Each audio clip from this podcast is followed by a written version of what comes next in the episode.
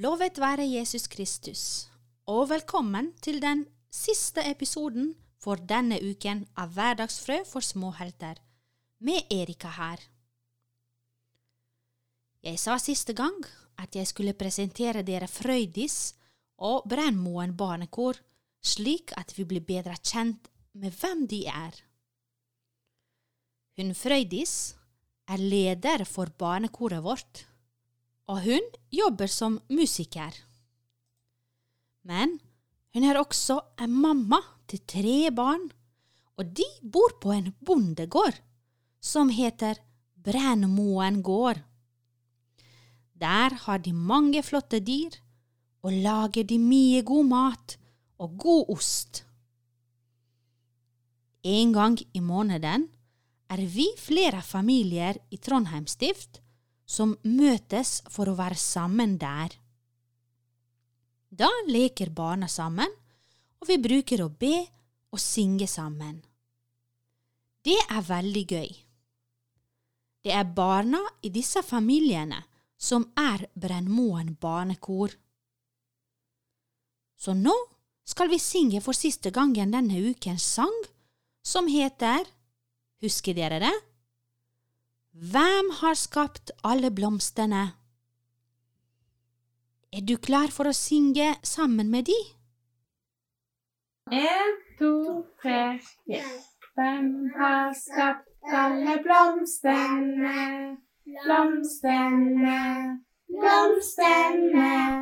Hvem har skapt alle blomstene? Jo, Gud i himmelen. Hvem har skapt alle fuglene? Fuglene, fuglene. Hvem har skapt alle fuglene?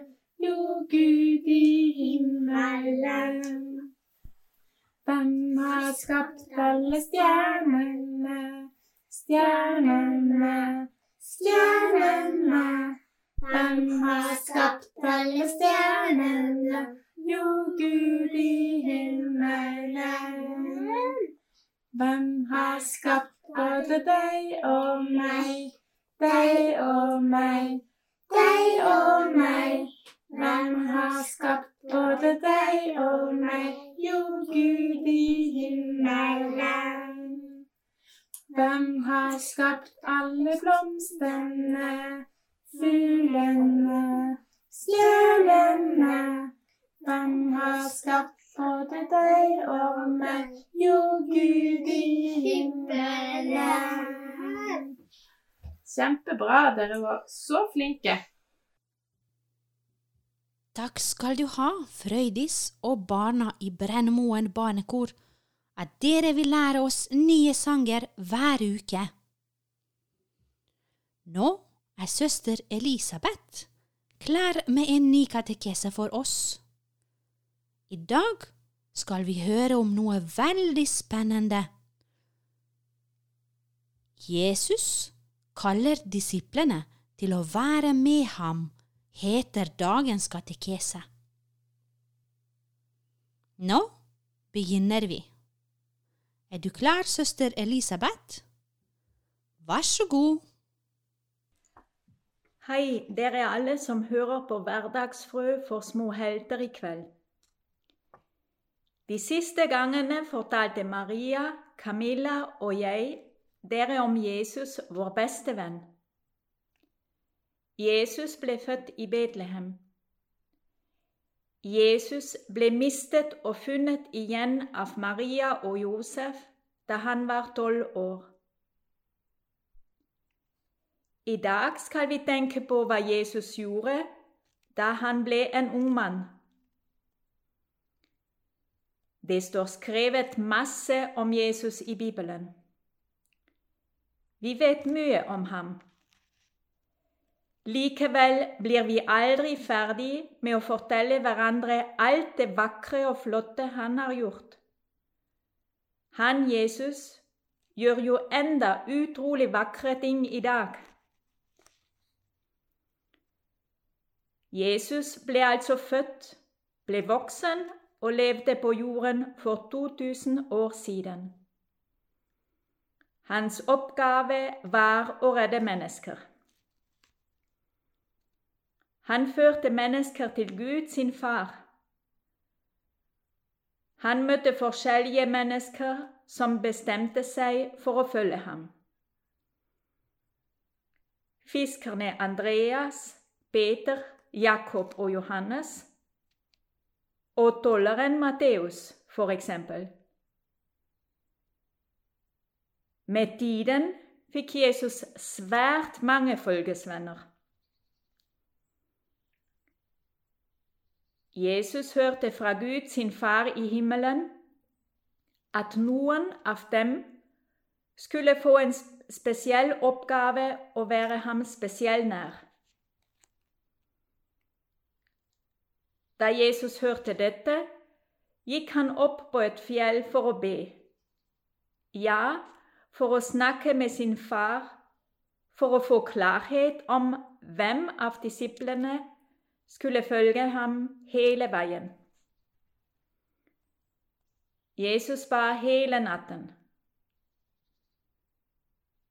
Neste morgen visste Jesus hvem som skulle hjelpe ham på en særskilt måte. Da kalte Jesus til seg alle sine venner som vi kaller for disipler, og han valgte ut tolv menn. De skulle bli hans ekstra nære venner. Det er de tolv apostler. Dere har sikkert allerede hørt navnene på dem. Jesus kalte to som het Simon, to som het Jakob, Du som het Judas. En ung mann som het Johannes. En Andreas. En Philip. En som hadde et spesielt navn.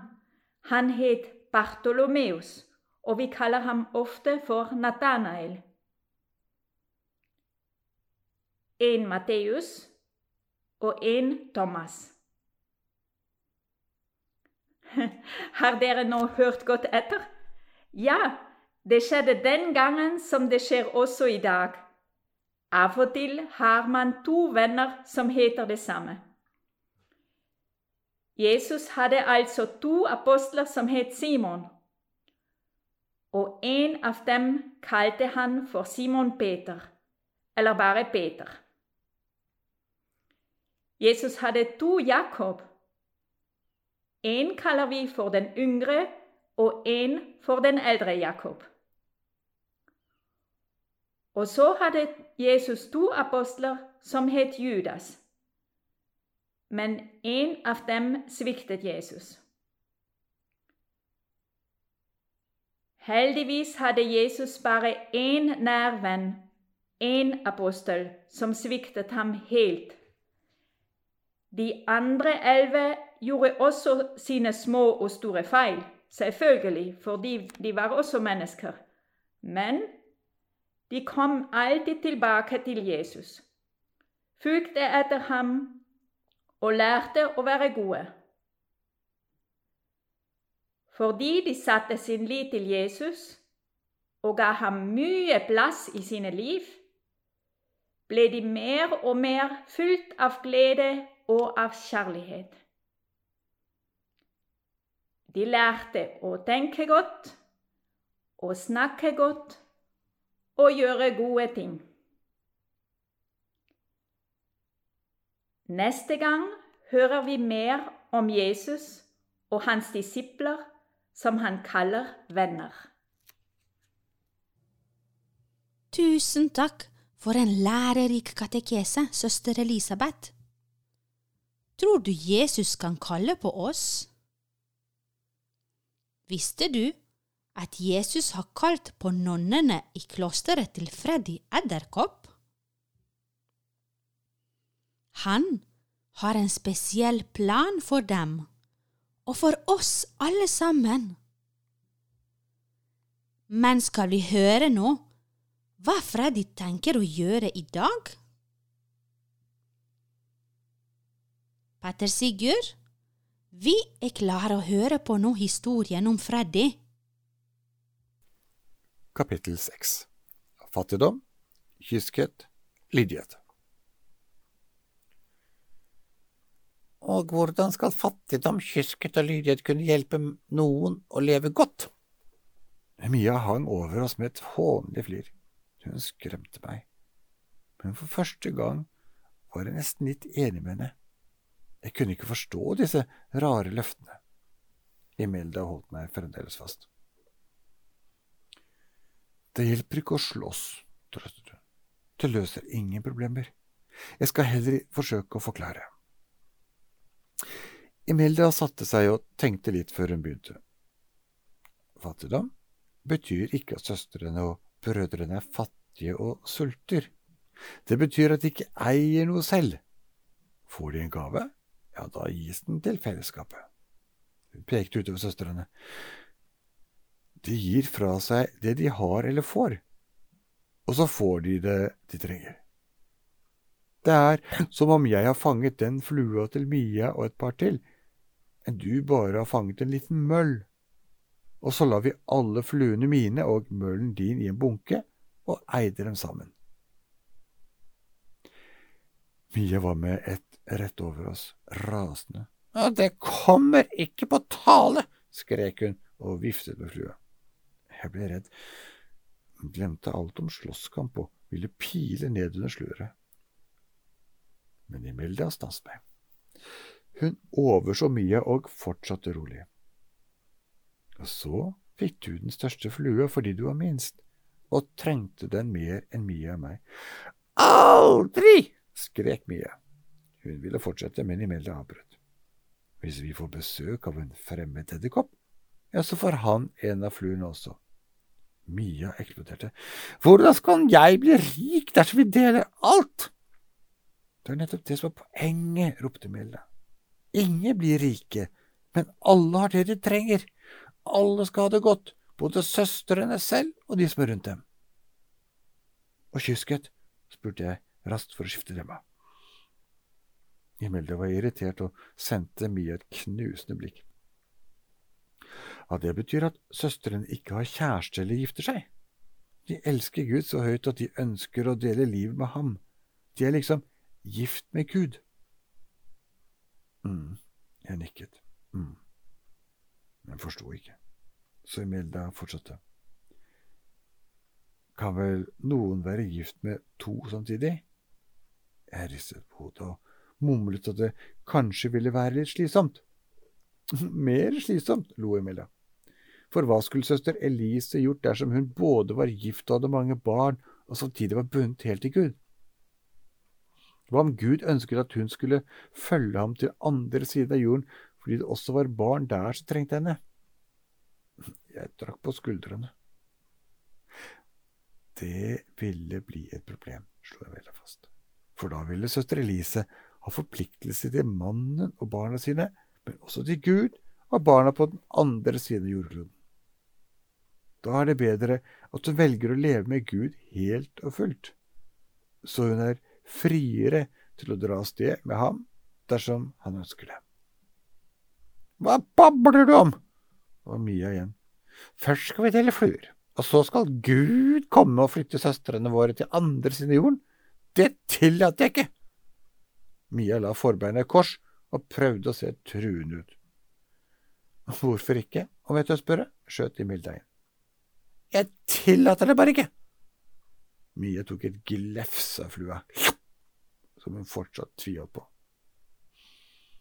Du er bare redd for at fluen skal forsvinne når det ikke er noen her til å glemme å sette inn syltetøyet, ertet «Nå, Kanskje det, sutret Mia, men jeg tillater det likevel ikke. Men uh, hvorfor må Gud ta søsteren med seg ta søsteren med til den andre siden av jorden? spurte jeg skuffet. Heller ikke jeg likte tanken. Imelda så på meg og tenkte hardt. Det er som med oss edderkopper, sa hun.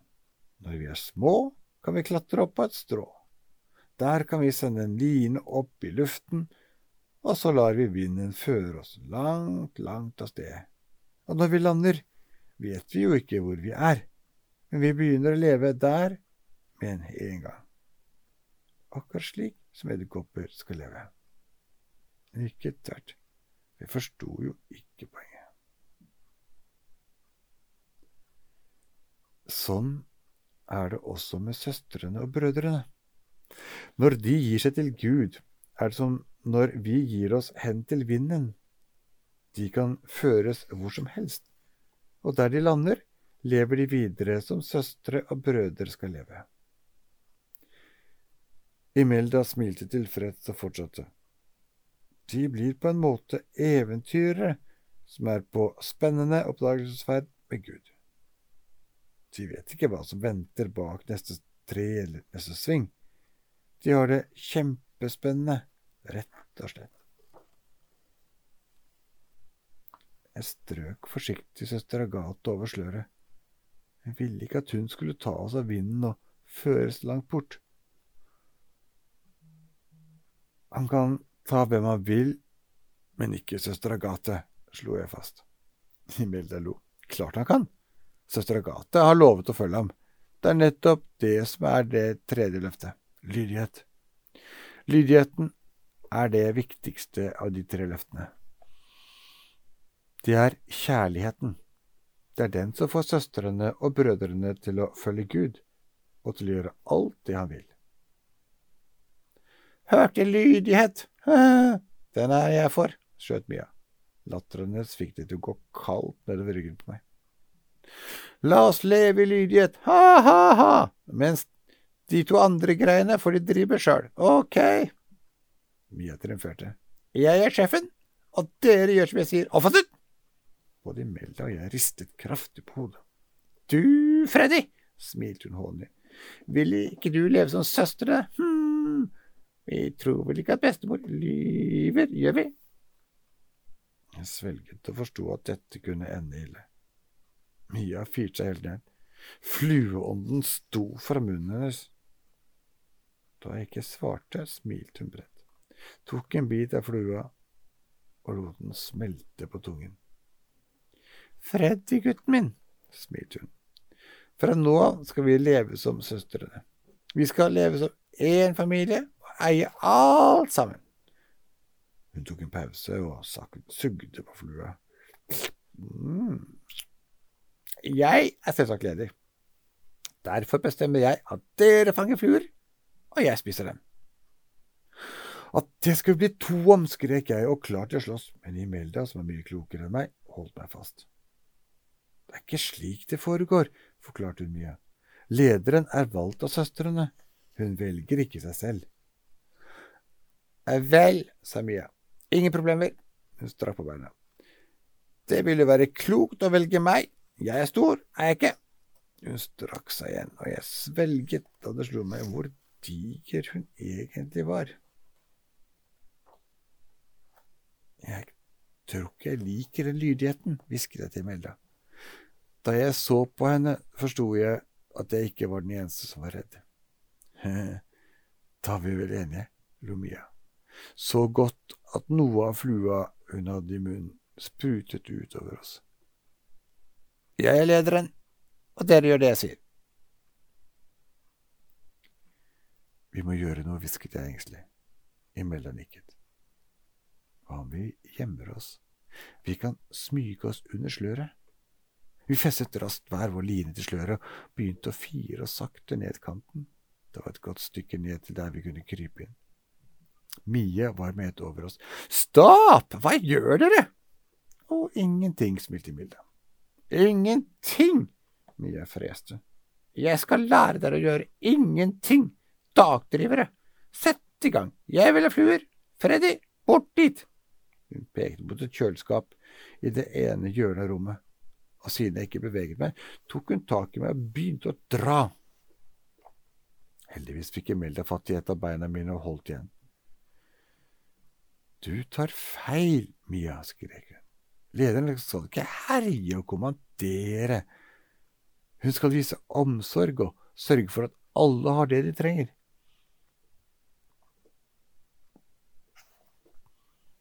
Det var da det uheldige for Mia inntraff og det uheldige for henne var det heldige for oss.